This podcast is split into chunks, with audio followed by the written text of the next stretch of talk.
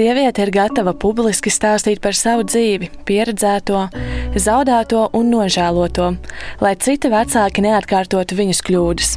Probācijas klientei, kā to dēvē valsts probācijas dienests, šodien stāstā ir cits vārds.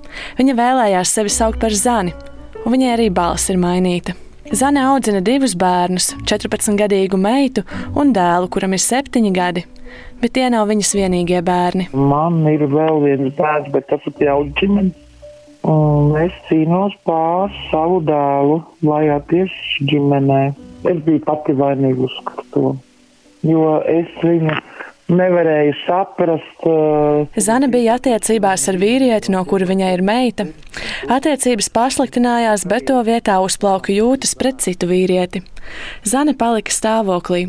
Ar dēliņu vēderā viņa tomēr atgriezās pie meitas tēva, jo jūtas jaunajās attiecībās bija mainījušās. Meitas tēvs viņu pieņēma, apprecēja un dēliņu uztvēra kā savu.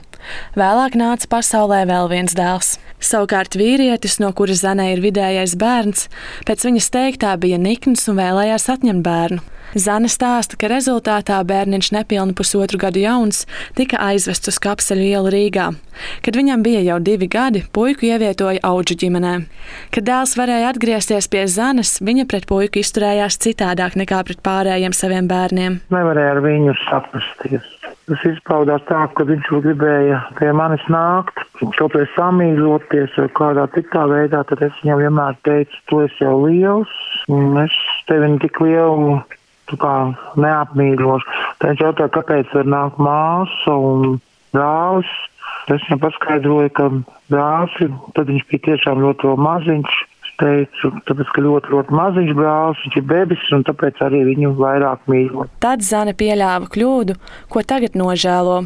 Viņa dēliņu atdeva auģu ģimenei. Es arī nožēloju, ka bērns vaidīja uz priekšu zapaka, jo tas arī bērns nesaprot to, ka kur viņš īsti atrodas, kur viņam ģimene ir, vai tur, vai tur viņš ir tur, tam tur.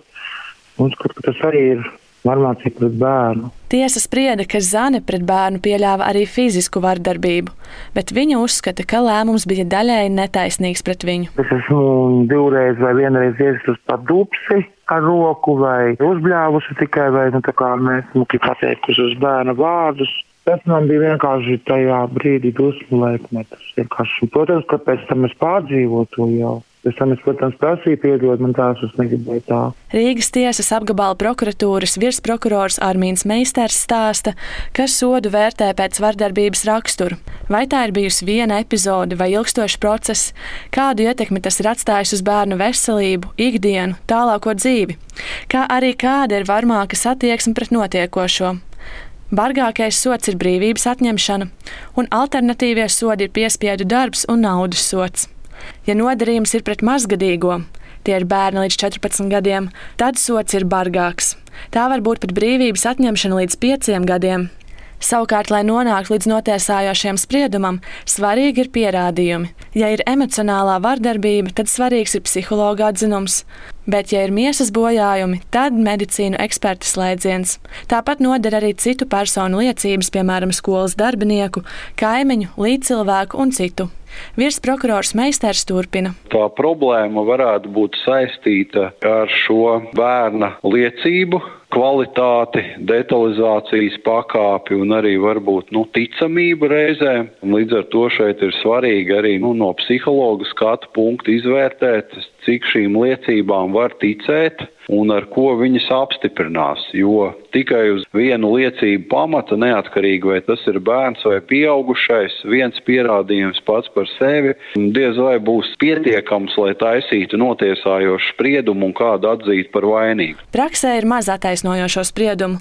Prokurors novērojas, ka vardarbīgi nereti pret bērniem ģimenē ir tieši vīrieši.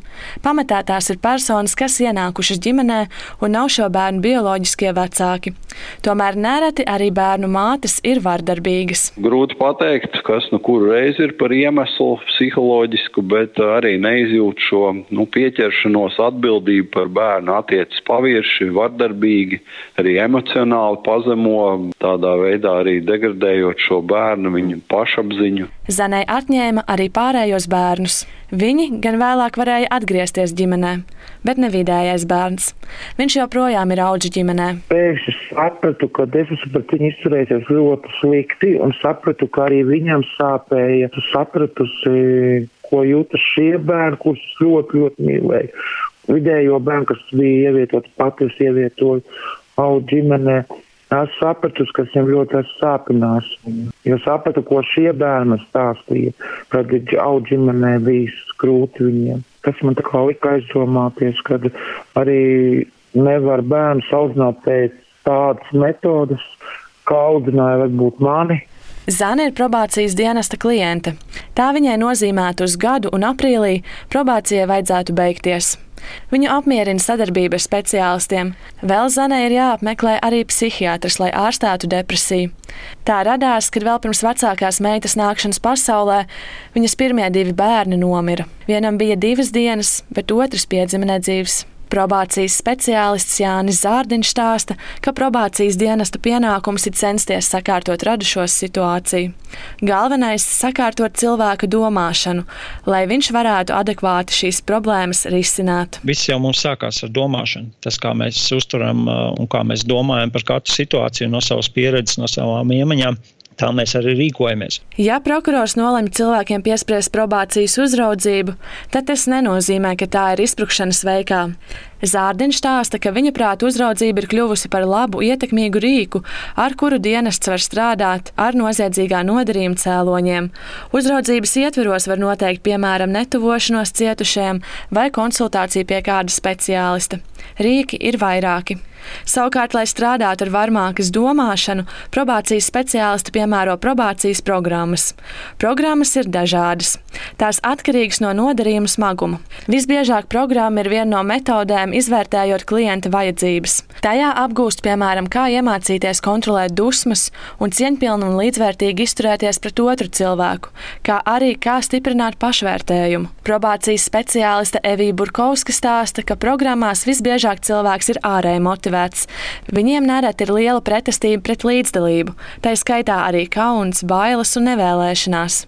Bet neskatoties uz to, ar laiku šis grupas darbs ir uz sadarbību orientēts. Viņa turpina. Programmas nav sprints, tas ir maratons. Tā arī ir. Kāds izstājās, kādam ir grūti, bet viņš to izdara. Es ļoti ticu tam darbam, ko es daru, bet eh, šo darbu ir grūti īstermiņā šos rezultātus ieraudzīt, un ir svarīgi saprast, ka ilgtermiņā tie būs tik noturīgi, cik būs šī cilvēka resursi un cik būsim mēs profesionāli šo intervenciju arī veikuši. Programmu efektivitāte ir pierādīta.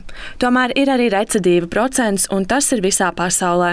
Burkovska stāsta, ka cilvēkiem, kuri piedalījušies sociālās uzvedības korekcijas programmās, ir mazāks recidīva risks nekā tiem, kuri to nedara. Viņa atzīst, ka programma nav zāles.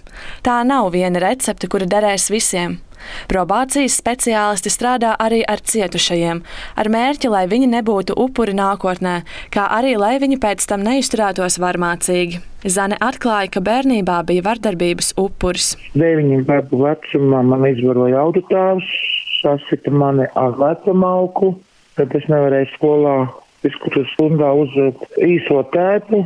Agrāk bija melns apakšbiksīts ar zeltainiem nu, krekuņiem. Es nevarēju vilkt uz garo, man skolotāja prasīja, kāpēc es neesmu saģēbusies attiecīgi, nu, tā kā iekšstārku.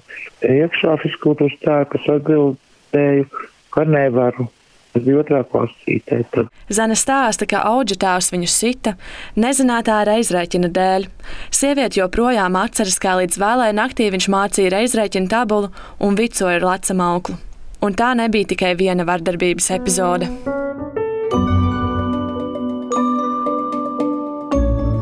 Toreiz skolotājām Zana neatklāja, ka auga tēvs viņu izvaroja. Arī mātei to nav teikusi. Šobrīd viņa par to runā, lai pastāstītu citiem. Sieviete atzīst, ka sāpes nedrīkst atstāt pie sevis. Par šādiem notikumiem ir jāziņo. Pašlaik viņa dara visu, lai dēls varētu atgriezties ģimenē. Kopš puika ir auga ģimenē, viņi ir tikušies. Zane stāsta, ka dēls viņai ir piedevis, taču viņš nevēlas pamest auga ģimeni. Puika grib māti apciemot, taču ir viens bet. Ir tikai viens bet, kad viņš nu, ir jau desmit gadu bērnam. Viņš vienkārši netic to, ka mamma viņu neiepērš. Tomēr Zane pauž, ka ir mainījusies. To apliecina arī viņas meita, kura norāda, ka māma vairs nebļauj. Vaicāja, kas viņai lika mainīties, uz ko Zane atbild. Kad ir tā, ka tevi pamet kāds tuvs cilvēks, pieņemsim tas pats vīrs, tu pēkšņi saproti, ka kā jūtās tas bērns, ka māte viņu pamet. Un tāpat es uzskatu, ka es, es tā jūtos slikti, bet es uzskatu arī, ka tas bērns tā visu laiku sāpināts tika un jūties bija slikti.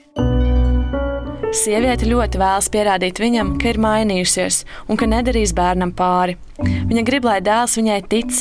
Zane savu stāstu izstāstīja, lai citas māmiņas nepieļauj tādas kļūdas kā viņa. Linda Spundiņa, Latvijas radio.